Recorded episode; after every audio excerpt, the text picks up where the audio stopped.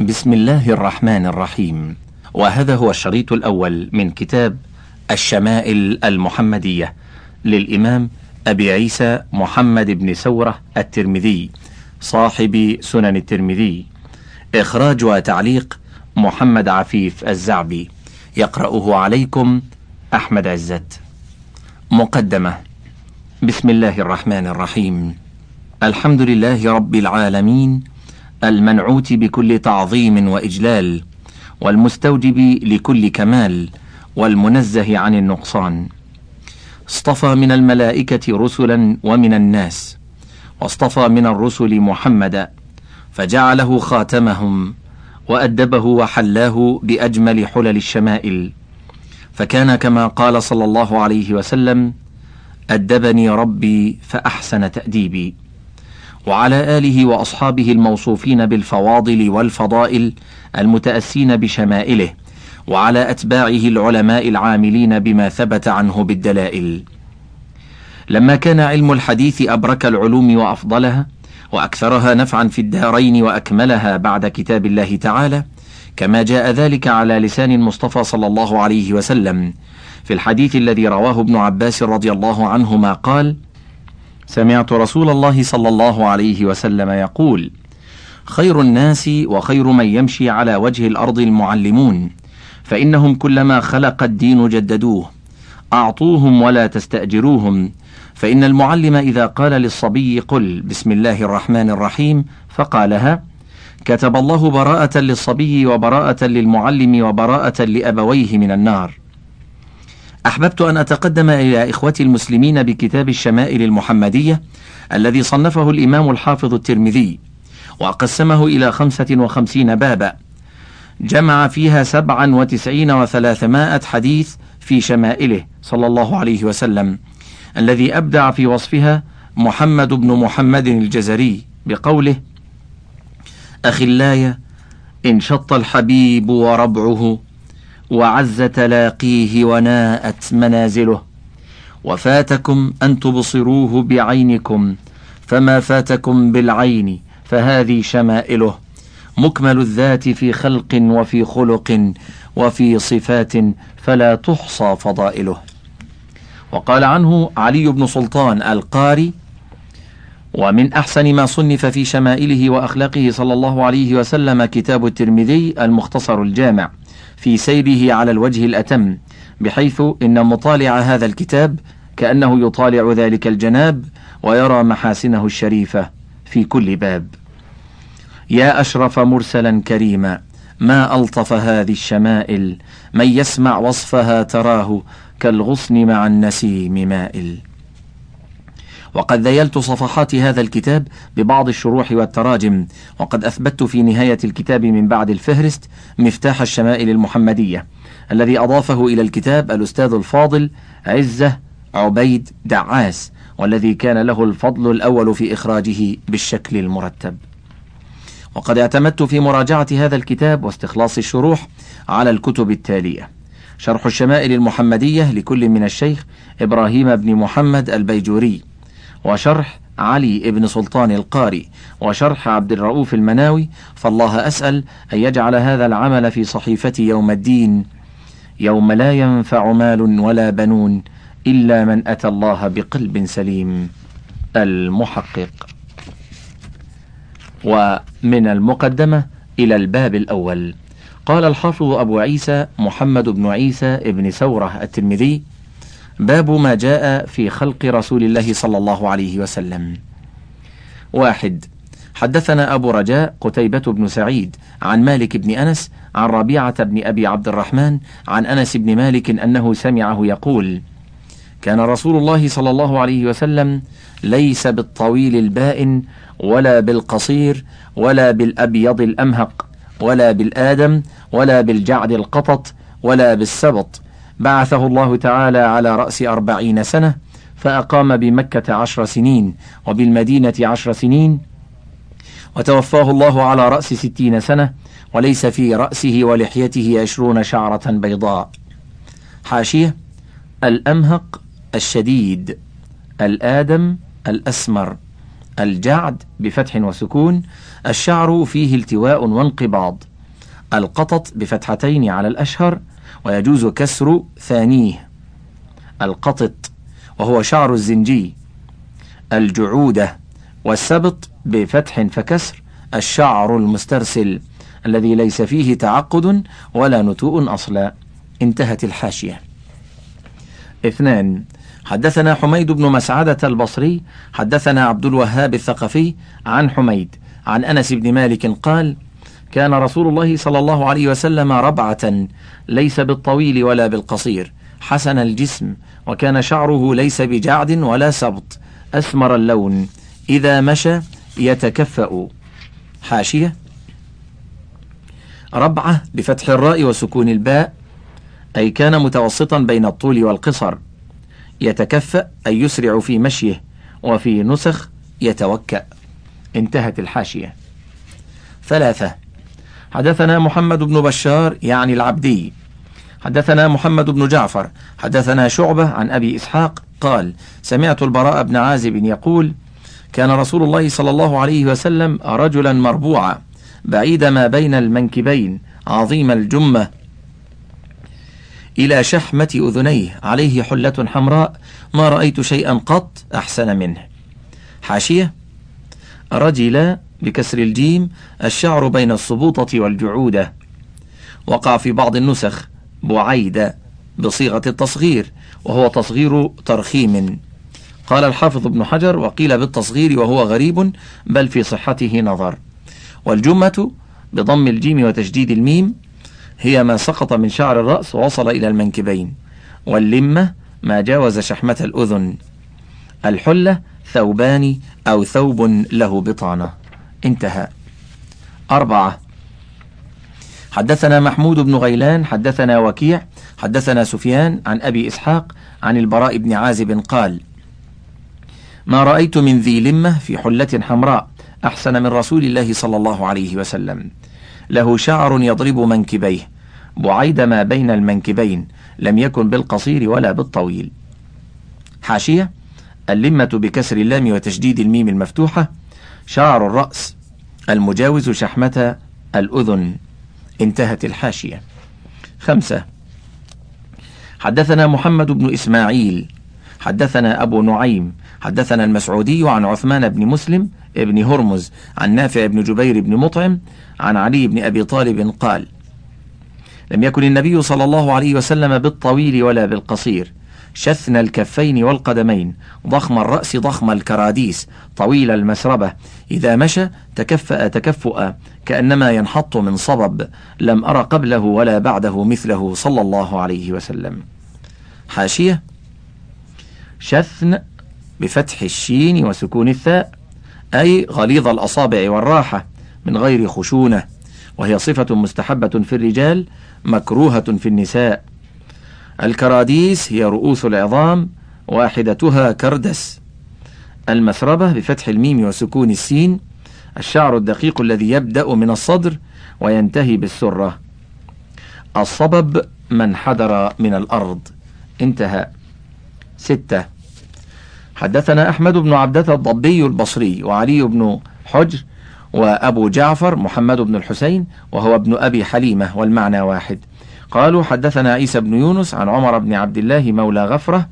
قال حدثني إبراهيم بن محمد من ولد علي بن أبي طالب رضي الله عنه قال كان علي إذا وصف رسول الله صلى الله عليه وسلم قال لم يكن رسول الله صلى الله عليه وسلم بالطويل الممغط ولا بالقصير المتردد وكان ربعة من القوم لم يكن بالجعد القطط ولا بالسبط كان جعدا رجلا. ولم يكن بالمطهم ولا بالمكلثم وكان في وجهه تدوير أبيض مشرب أدعج العينين أهدب الأشفار جليل المشاش والكتد أجرد ذو مسربة شثن الكفين والقدمين إذا مشى تقلع كأنما ينحط من صبب. وإذا التفت التفت معا. إذا مشى تقلع كأنما ينحط في صبب وإذا التفت التفت معا.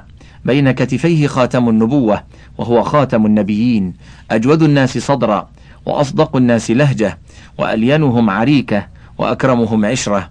من رآه بديهة هابة ومن خالطه معرفة أحبة يقول ناعته لم أر قبله ولا بعده مثله. صلى الله عليه وسلم.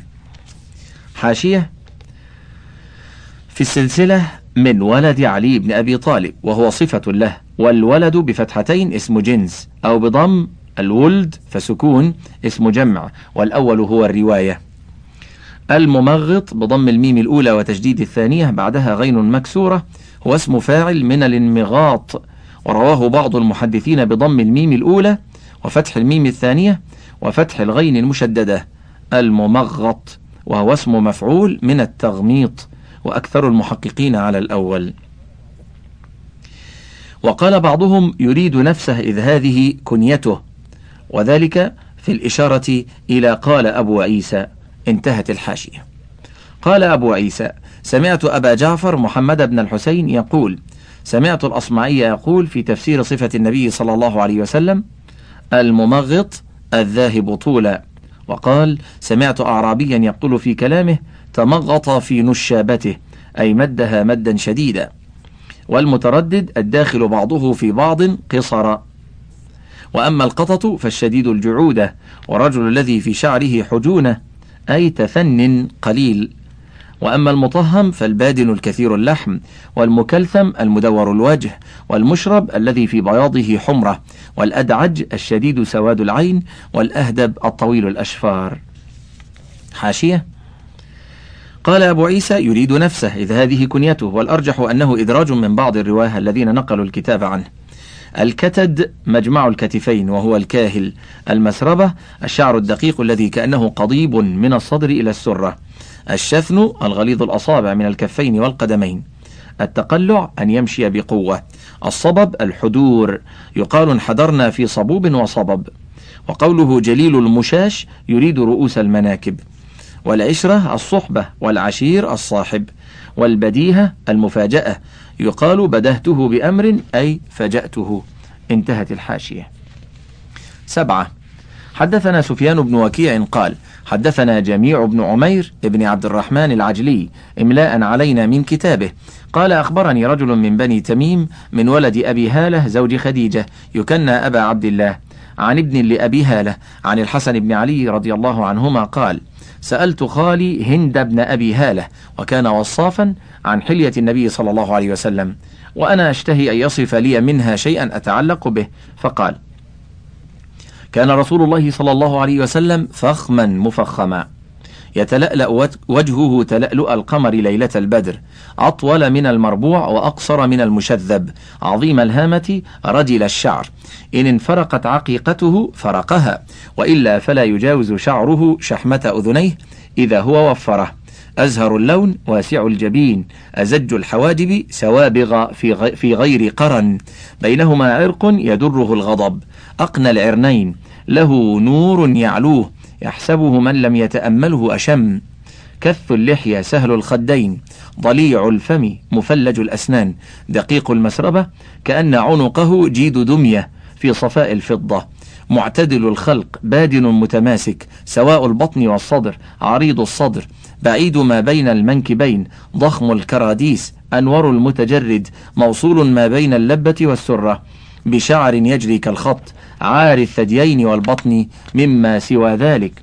أشعر الذراعين والمنكبين وأعالي الصدر طويل الزندين رحب الراحة شثن الكفين والقدمين. سائل الأطراف أو قال شائل الأطراف. خمصان الأخمصين مسيح القدمين ينبو عنهما الماء. إذا زال زال قلعا يخطو تكفيا. ويمشي هونا ذريع المشية. إذا مشى كأنما ينحط من صبب وإذا التفت التفت جميعا. خافض الطرف نظره إلى الأرض أطول من نظره إلى السماء. جل نظره الملاحظة يسوق أصحابه ويبدر من لقي بالسلام صلى الله عليه وسلم. المشذب الطويل البائن الطول. أطول من المربوع وأقصر من المشذب. مع نقص في لحمه وأصله من النخلة التي شذب عنها جريدها. المراد بالعقيقة إن انفرقت عقيقته فرقها شعر رأسه الذي على الناصية أي جعلها فرقتين. أزج الحواجب أي مقوس الحاجبين. سوابغ أي كاملان وهو منصوب على المدح ويصح رفعه على أنه خبر لمبتدأ محذوف. والقرن بالتحريك اقتران الحاجبين بحيث يلتقي طرفاهما. بينهما عرق يدره الغضب أي يصيره الغضب ممتلئا دما. وبعد ذلك أقنى العرنين أي طويل الأنف مع دقة أرنبته. والعرنين بكسر العين قيل ما صلب من الأنف وقيل الأنف كله. ضليع الفم أي الواسع والعرب تمدح ذلك لأن ساعته دليل على الفصاحة. مفلج الأسنان الفلج انفراج ما بين الأسنان. الجيد العنق والدمية الصورة المتخذة من عاج أو غيره والمراد هو في اعتدال وحسن هيئة وكمال وإشراق. البادن السميل المعتدل السمن بدليل لم يكن بالمطهم. أنور المتجرد أي نير العضو المتجرد عن الشعر أو عن الثوب. اللبة بفتح اللام موضع الثغرة فوق الصدر. وقال أو شائل الأطراف هو شك من الراوي. والسائل الطويل والشائل مثلها. أخمص القدم هو الموضع الذي لا يمس الأرض عند الوطء من وسط القدم. خمصان كعثمان والمراد أنه شديد تجافيهما عن الأرض. خمصان الأخمصين. مسيح القدمين أي أملسهما ومستويهما. يخطو تكفيا أي إذا مشى رفع رجليه بقوة. وفي نسخة تكفؤا وهي تأكيد لما قبلها. ذريع المشية أي واسع والصبب الأرض المنحدرة. يسوق أصحابه أي يقدم أصحابه بين يديه ويمشي خلفهم. يبدر من لقي بالسلام في نسخة يبدأ. ثمانية. حدثنا أبو موسى محمد بن المثنى. حدثنا محمد بن جعفر. حدثنا شعبة عن سماك بن حرب قال سمعت جابر بن سمرة يقول كان رسول الله صلى الله عليه وسلم ضليع الفم أشكل العين منهوس العقب. قال شعبة قلت لسماك ما ضليع الفم؟ قال عظيم الفم. قلت ما أشكل العين؟ قال طويل شق العين. قلت ما منهوس العقب؟ قال قليل لحم العقب. انتهت الحاشية. تسعة. حدثنا هناد بن السري حدثنا عبثر بن القاسم عن أشعث يعني ابن سوار عن أبي إسحاق عن جابر بن سمرة قال رأيت رسول الله صلى الله عليه وسلم ليلة إضحيان وعليه حلة حمراء فجعلت أنظر إليه وإلى القمر فلا هو عندي أحسن من القمر. ليلة إضحيان أي مقمرة. عشرة. حدثنا سفيان بن وكيع حدثنا حميد بن عبد الحميد الرؤوسي عن زهير عن أبي إسحاق قال حدثنا حميد بن عبد الحميد الرؤاسي عن زهير بن أبي إسحاق قال سأل رجل البراء بن عازب أكان وجه رسول الله صلى الله عليه وسلم مثل السيف؟ قال لا بل مثل القمر. أحد عشر. حدثنا أبو داود المصاحفي سليمان بن سلم. حدثنا النضر بن شميل عن صالح بن أبي الأخضر عن ابن شهاب عن أبي سلمة عن أبي هريرة رضي الله عنه قال كان رسول الله صلى الله عليه وسلم أبيض كأنما صيغ من فضة. رجل الشعر. ثاني عشر. حدثنا قتيبة بن سعيد قال أخبرني الليث بن سعد عن أبي الزبير عن جابر بن عبد الله أن رسول الله صلى الله عليه وسلم قال عرض علي الأنبياء فإذا موسى عليه السلام ضرب من الرجال كأنه من رجال شنوءة. ورأيت عيسى بن مريم عليه السلام فإذا أقرب من رأيت به شبها عروة بن مسعود. ورأيت إبراهيم عليه السلام فإذا أقرب من رأيت به شبها صاحبكم يعني نفسه. ورأيت جبريل عليه السلام فإذا أقرب من رأيت به شبها دحية. شنوءة بفتح الشين قبيلة من اليمن. ورجال هذه القبيلة متوسطون بين الخفة والسمن. والشنوءة في الأصل التباعد. انتهت الحاشية. ثالث عشر. حدثنا سفيان بن وكيع ومحمد بن بشار المعنى واحد.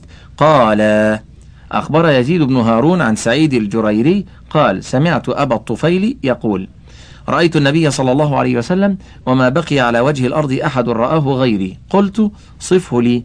قال كان أبيض مليحا مقصدا. حاشية المقصد هو الذي ليس بجسيم ولا نحيف ولا طويل ولا قصير.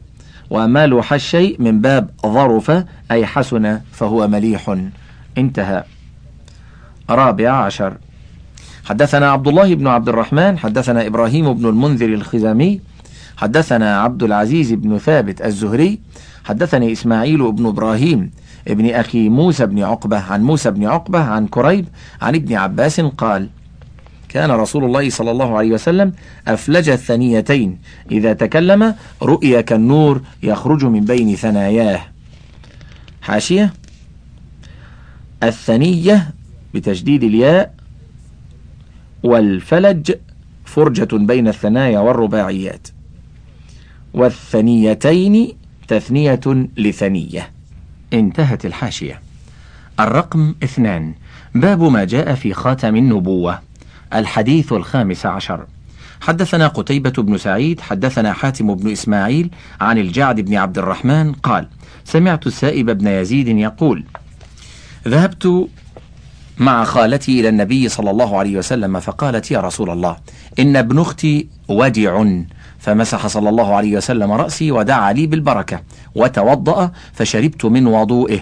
وقمت خلف ظهره فنظرت إلى الخاتم بين كتفيه فإذا هو مثل رز الحجة. يقول ذهبت بي خالتي إلى النبي صلى الله عليه وسلم فقالت يا رسول الله إن ابن أختي وجع إلى آخر الحديث. وجع أي مريض. الحديث السادس عشر. حدثنا سعيد بن يعقوب الطالقاني حدثنا أيوب بن جابر عن سماك بن حرب عن جابر بن سمرة قال رأيت الخاتم بين كتفي رسول الله صلى الله عليه وسلم غدة حمراء مثل بيضة الحمامة. سابع عشر.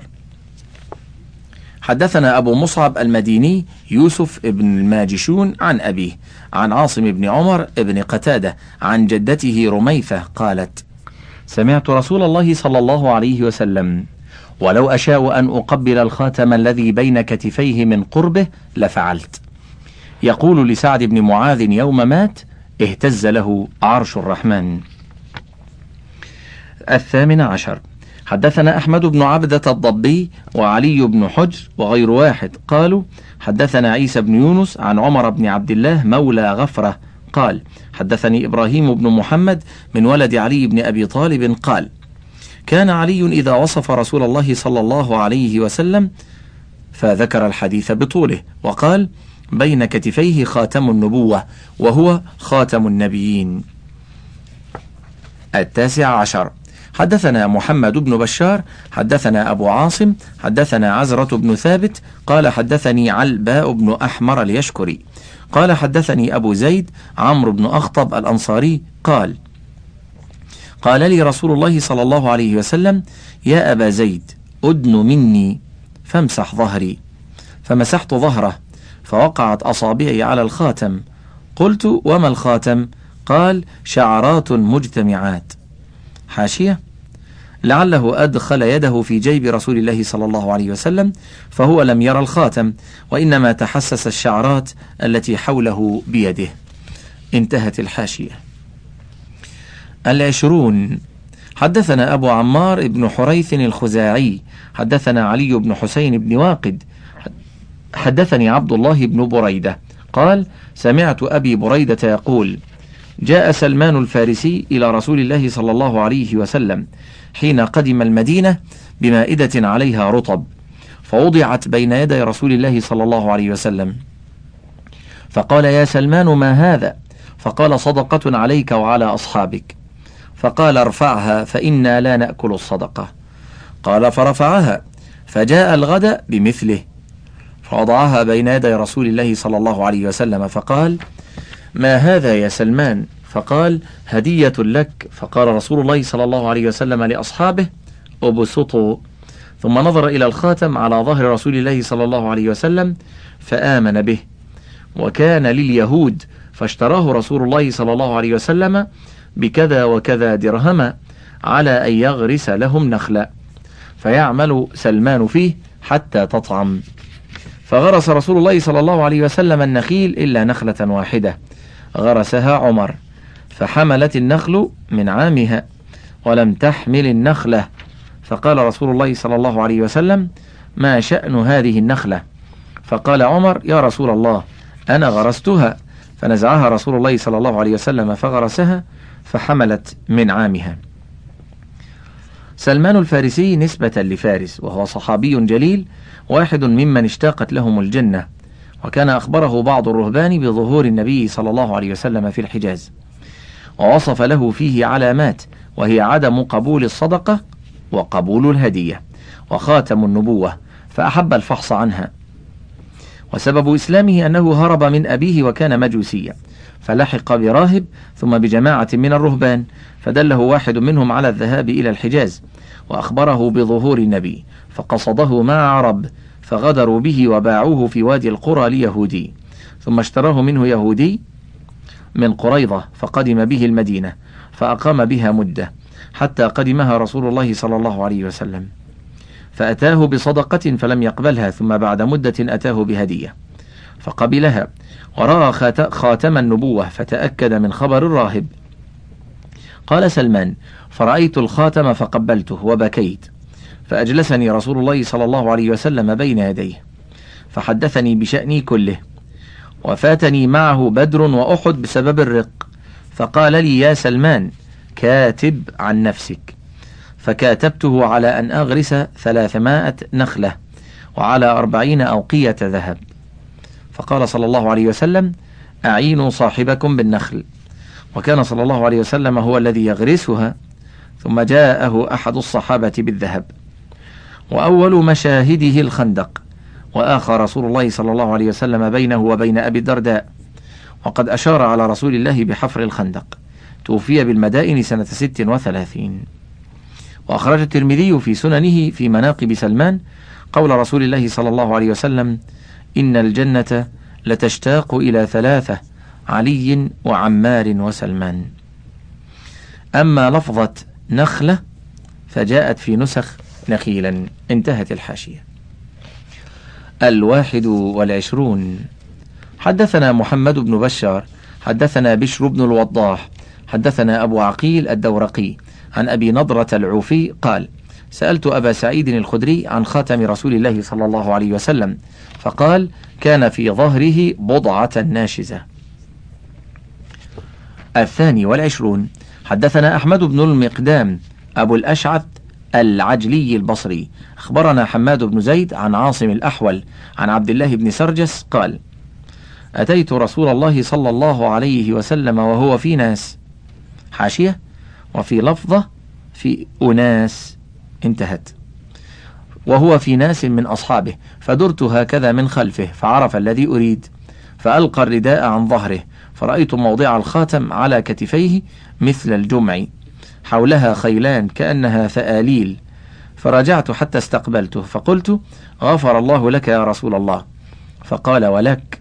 فقال القوم استغفر لك رسول الله صلى الله عليه وسلم. فقال نعم ولكم. ثم تلا هذه الآية واستغفر لذنبك وللمؤمنين والمؤمنات.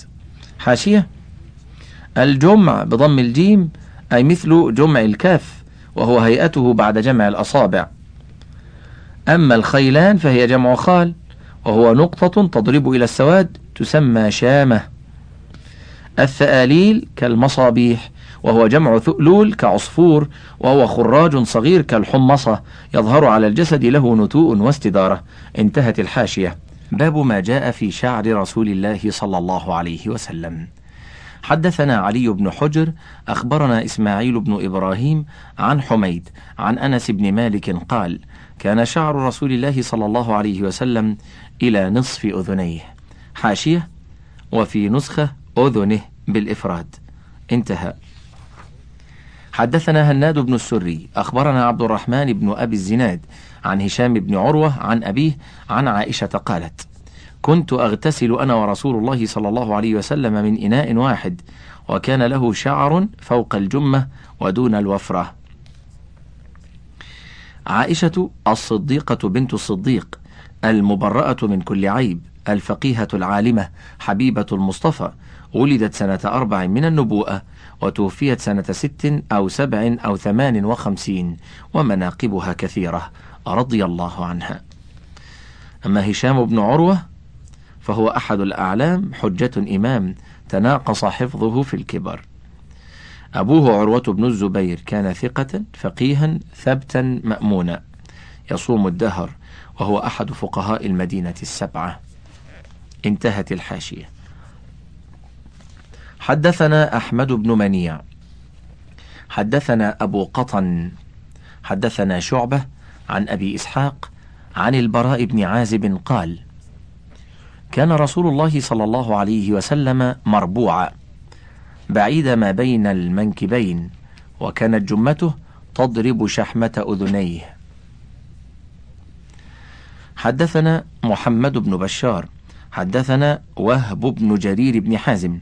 قال حدثني أبي عن قتادة قال قلت لأنس كيف كان شعر رسول الله صلى الله عليه وسلم؟ قال لم يكن بالجعد ولا بالسبط. كان يبلغ شعره شحمة أذنيه. حدثنا محمد بن يحيى عن أبي عمر حدثنا سفيان بن عيينة عن ابن أبي نجيح عن مجاهد عن أم هاني بنت أبي طالب. قالت قدم رسول الله صلى الله عليه وسلم مكة قدمة وله أربع غدائر. قوله قدمة بفتح القاف وسكون الدال هي القدمة التي كان فيها فتح مكة. وقدوماته صلى الله عليه وسلم لمكة بعد الهجرة أربع. قدوم عمرة القضاء وقدوم الفتح وقدوم الجعرانة وقدوم حجة الوداع. والغدائر جمع غديرة وفي رواية ضفيرة جمع جمعها ضفائر. وكل من الضفيرة والغديرة بمعنى الذؤوابة وهي الخصلة من الشعر إذا كانت مرسلة فإن كانت ملوية فعقيصة. انتهت الحاشية. حدثنا سويد بن نصر حدثنا عبد الله بن المبارك عن معمر عن ثابت البناني عن أنس أن شعر رسول الله صلى الله عليه وسلم كان إلى أنصاف أذنيه. حدثنا سويد بن نصر حدثنا عبد الله بن المبارك عن يونس بن يزيد. عن الزهري حدثنا عبيد الله بن عبد الله بن عتبة عن ابن عباس. أن رسول الله صلى الله عليه وسلم كان يسدل شعره وكان المشركون يفرقون رؤوسهم وكان أهل الكتاب يسدلون رؤوسهم وكان يحب موافقة أهل الكتاب فيما لم يؤمر فيه بشيء. ثم فارق رسول الله صلى الله عليه وسلم رأسه. حاشية. سدل الشعر إرساله ومعنى فرق رأسه أي ألقى الشعر إلى جانبي رأسه. ولعل فعل النبي صلى الله عليه وسلم هذا وهذا يدل على جواز هذه الأوجه من فرقه وسدله وحلقه والله أعلم. حدثنا محمد بن بشار حدثنا عبد الرحمن بن مهدي عن إبراهيم بن نافع المكي عن ابن أبي نجيح عن مجاهد عن أم هانئ قالت رأيت رسول الله صلى الله عليه وسلم ذا أربع ضفائر أو ذا ضفائر أربع. باب ما جاء في ترجل رسول الله صلى الله عليه وسلم. حدثنا إسحاق بن موسى الأنصاري حدثنا معن بن عيسى حدثنا مالك بن أنس عن هشام بن عروة عن أبيه عن عائشة قالت كنت أرجل رأس رسول الله صلى الله عليه وسلم وأنا حائض. حاشية ترجيل الشعر أي تسريحه ويدل الحديث على طهارة يد الحائض وعلى عدم كراهة مخالطتها. وعلى حل استخدام الزوجة برضاها وتولي خدمة الزوجة لزوجها بنفسها. وعلى جواز تسريح الشعر. والله أعلم. حدثنا يوسف بن عيسى حدثنا وكيع حدثنا الربيع بن صبيح. عن يزيد بن أبان هو الرقاشي. عن أنس بن مالك قال كان رسول الله صلى الله عليه وسلم يكثر دهن رأسه. وتسريح لحيته ويكثر القناع حتى كأن ثوبه ثوب زيات. حاشية. الدهن استعمال الدهن وهو ما يدهن به من زيت وغيره. القناع أي اتخاذه ولبسه. القناع بكسر القاف خرقة توضع على الرأس حين استعمال الدهن. قيل المراد بثوبه القناع. انتهت الحاشية. حدثنا هناد بن السري. حدثنا أبو الأحوص عن الأشعث ابن أبي الشعثاء عن أبيه عن مسروق عن عائشة قالت إن كان رسول الله صلى الله عليه وسلم لا يحب التيمن في طهوره إذا تطهر وفي ترجله إذا ترجل وفي انتعاله إذا انتعل. إن مخففة من الثقيلة إن واسمها ضمير الشأن. واللام في لا يحب هي الفارقة بين المخففة والثقيلة. والتيمن هو الابتداء باليمين. والطهور بضم الطاء وفتحها طهور وطهور. روايتان مسموعتان. بضم الطاء هو الفعل طهور. وبفتحها ما يتطهر به طهور. الترجل أي يحب في تمشطه أن يبدأ بالجهة اليمنى من رأسه. وفي تناوله أي ويحب التيمن بالانتعال انتهت الحاشية. حدثنا محمد بن بشار حدثنا يحيى بن سعيد عن هشام بن حسان عن الحسن البصري عن عبد الله بن مغفل قال نهى رسول الله صلى الله عليه وسلم عن الترجل إلا غبا. حاشية الغب بكسر الغين وتشديد الباء أي يجل شعره وينظفه ويحسنه من وقت لآخر لأن مواظبته تشعر بشدة الإمعان في الزينة وذلك من شأن النساء.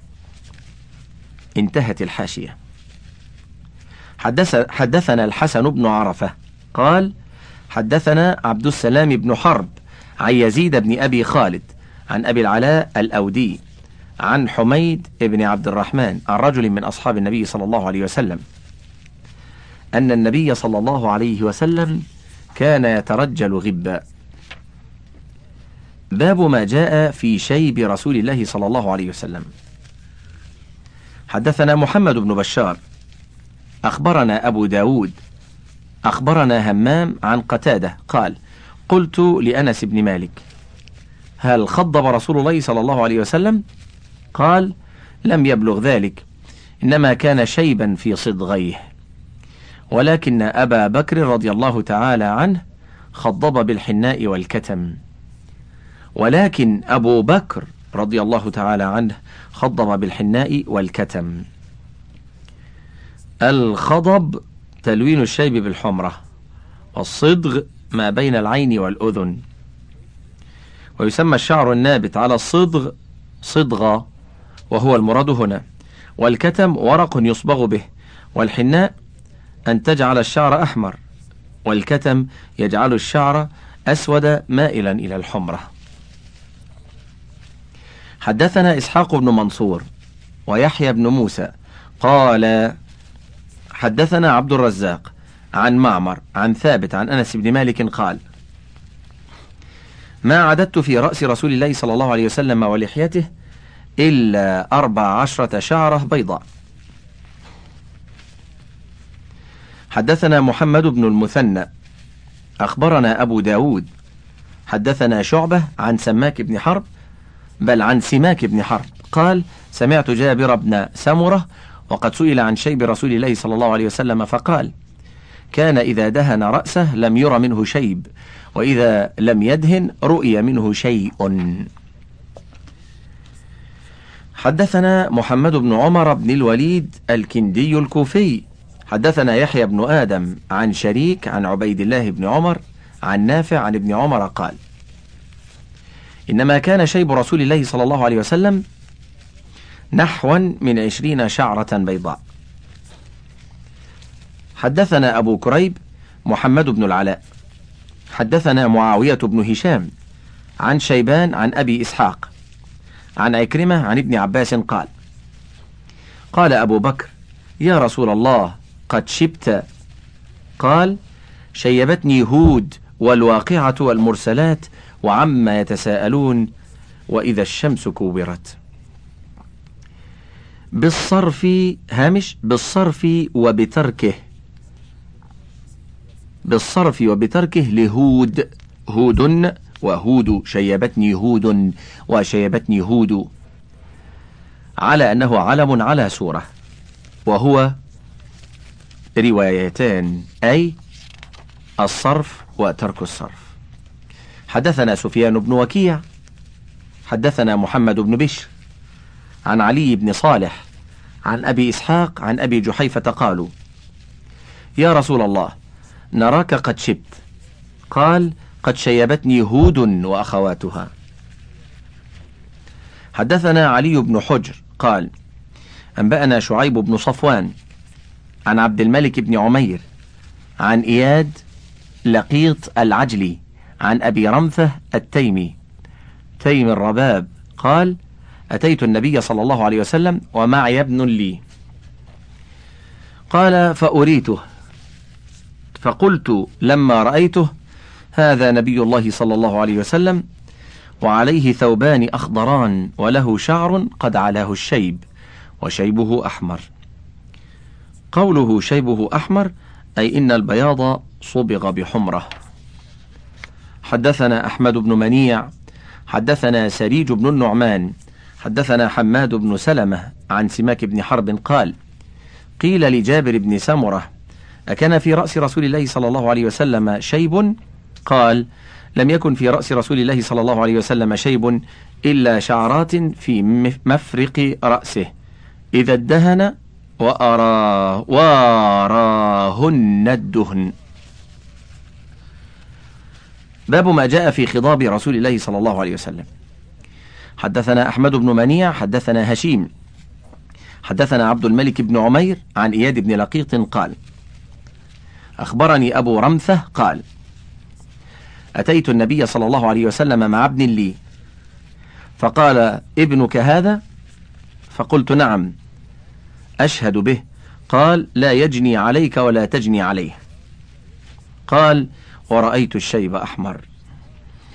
قال أبو عيسى هذا أحسن شيء روي في هذا الباب وأفسر لأن الروايات الصحيحة أنه لم يبلغ الشيب. وأبو رمثة اسمه رفاعة ابن يثربي التيمي. حاشية. الفسر أي الكشف والبيان والمعنى معنى أفسر أي أوضح. أنه أوضح رواية وأظهر دلالة. ابن يثربي نسبة ليثرب من أسماء المدينة قبل الإسلام وتيم إحدى القبائل. انتهت الحاشية. حدثنا سفيان بن وكيع قال حدثنا أبي عن شريك عن عثمان بن موهب قال سئل أبو هريرة هل خضب رسول الله صلى الله عليه وسلم؟ قال نعم. قال أبو عيسى وروى أبو عوانة هذا الحديث عن عثمان بن عبد الله بن موهب فقال عن أم سلمة. حدثنا إبراهيم بن هارون قال أنبأنا النضر بن زرارة عن أبي جناب عن إياد بن لقيط عن الجهذمة امرأة بشير ابن الخصاصية. قالت أنا رأيت رسول الله صلى الله عليه وسلم يخرج من بيته ينفض رأسه وقد اغتسل وبرأسه ردع من حناء أو قال ردغ. شك في هذا الشيخ. حاشية الجهذمة كدحرجة. صحابية غير النبي صلى الله عليه وسلم اسمها فسماها ليلى. الخصاصية مثل كراهية اسم أمه وهي منسوبة إلى خصاصة ابن عمرو بن كعب. الردع هو الصبغ من زعفران أو ورس والمراد بالردغ لطخات غليظة من الصبغ في رأسه الذي هو الحناء أو الزعفران أو غيره. والذي شك في أنه ردع أو ردغ هو شيخ الترمذي وهو إبراهيم بن هارون.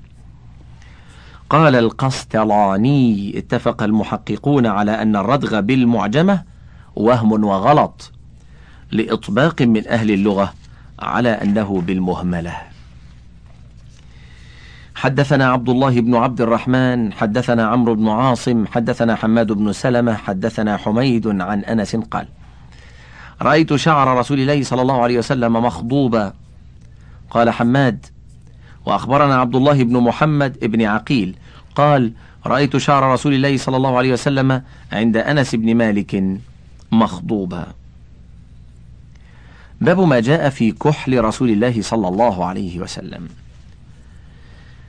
حدثنا محمد بن حميد الرازي حدثنا أبو داود الطيالسي عن عباد بن منصور عن عكرمة عن ابن عباس أن النبي صلى الله عليه وسلم قال اكتحلوا بالإثمد فإنه يجلو البصر وينبت الشعر.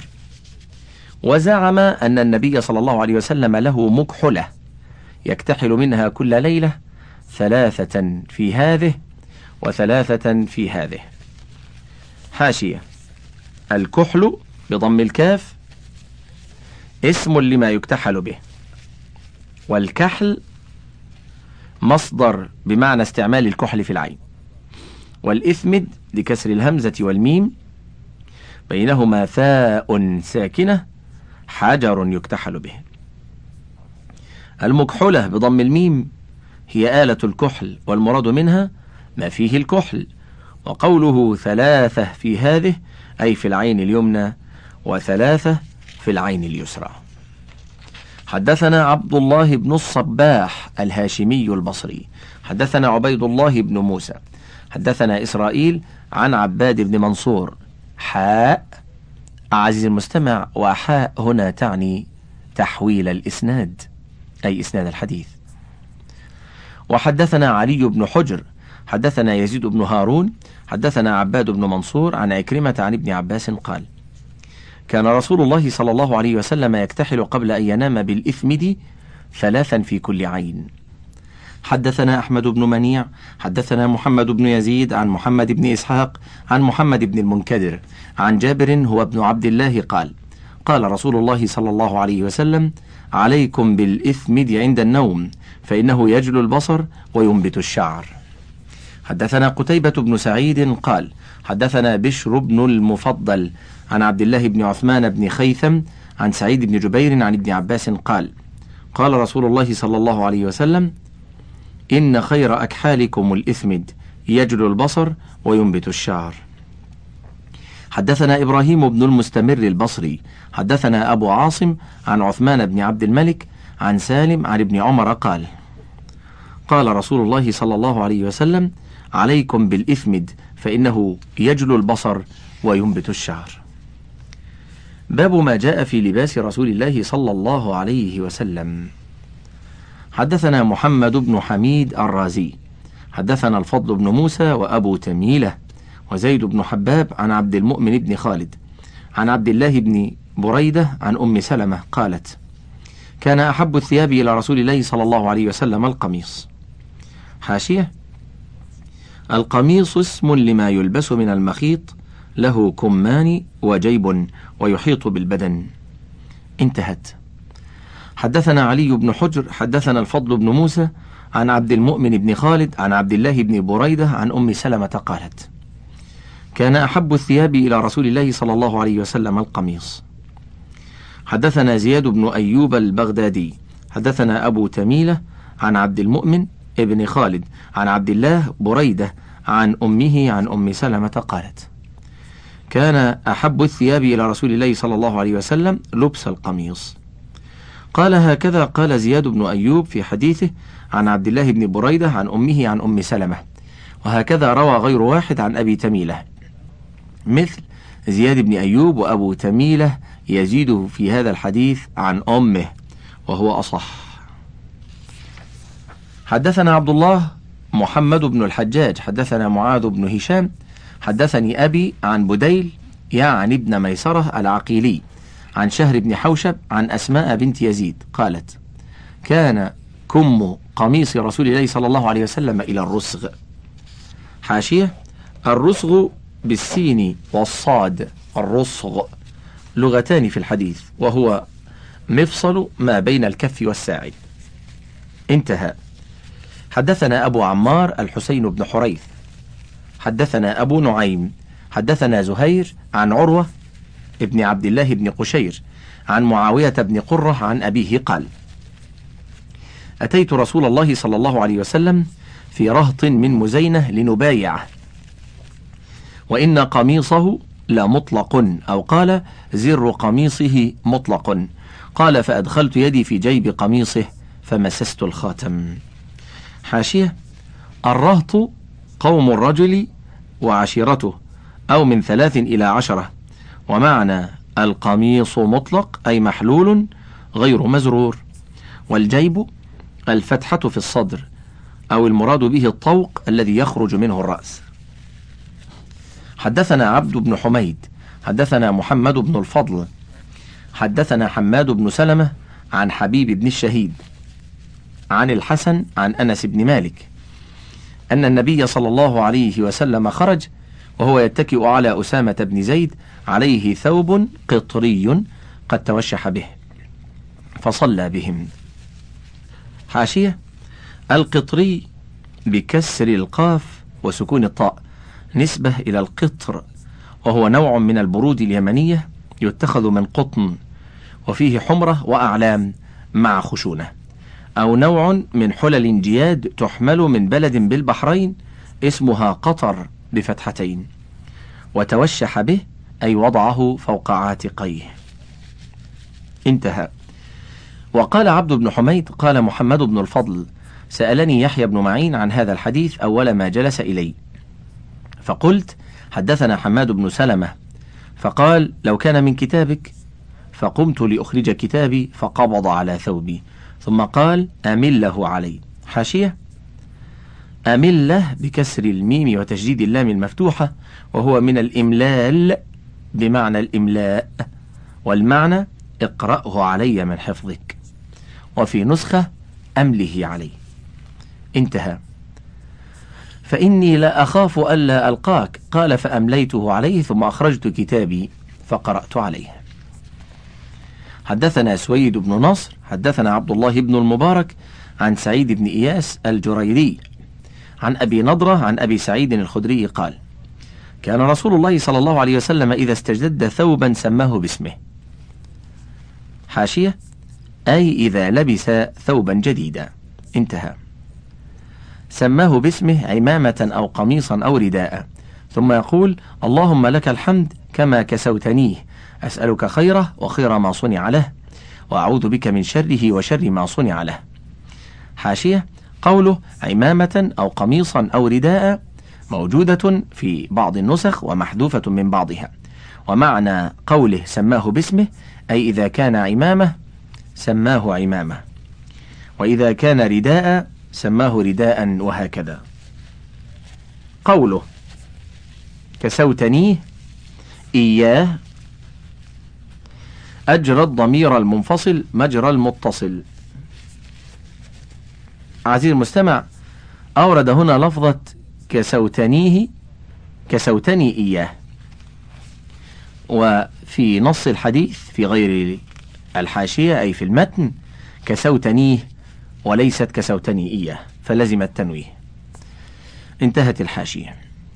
حدثنا هشام بن يونس الكوفي حدثنا القاسم بن مالك المزني عن الجريري عن أبي نضرة عن أبي سعيد الخدري عن النبي صلى الله عليه وسلم. نحوه. حدثنا محمد بن بشار حدثنا معاذ بن هشام حدثني أبي عن قتادة عن أنس بن مالك قال كان أحب الثياب إلى رسول الله صلى الله عليه وسلم يلبسه الحبرة. حاشية. الحبرة بكسر الحاء وفتح الباء. ثياب من نوع برود اليمن تتخذ من كتان أو قطن محبرة أي مزينة والتحبير التزيين والتحسن والحبر مفرد والجمع حبر وحبرات مثل عنبة وعنب وعنبات. انتهت الحاشية. حدثنا محمود بن غيلان حدثنا عبد الرزاق حدثنا سفيان عن عون بن أبي جحيفة عن أبيه قال رأيت النبي صلى الله عليه وسلم وعليه حلة حمراء كأني أنظر إلى بريق ساقيه. قال سفيان أراها حبرة. حاشية وكانت رؤية أبي جحيفة في بطحاء مكة قرب مكة وقوله حبرة أي مخططة بخطوط حمر لا حمراء قانية. والمراد بسفيان الثوري. انتهى. حدثنا علي بن خشرم حدثنا عيسى بن يونس عن إسرائيل عن أبي إسحاق عن البراء بن عازب قال ما رأيت أحدا من الناس أحسن في حلة حمراء من رسول الله صلى الله عليه وسلم. إن كانت جمته لتضرب قريبا من منكبيه. حاشية الجمة خصلة الشعر. انتهت الحاشية. وانتهى الشريط الأول من الشمائل المحمدية للإمام أبي عيسى الترمذي. وله بقية على الشريط الثاني.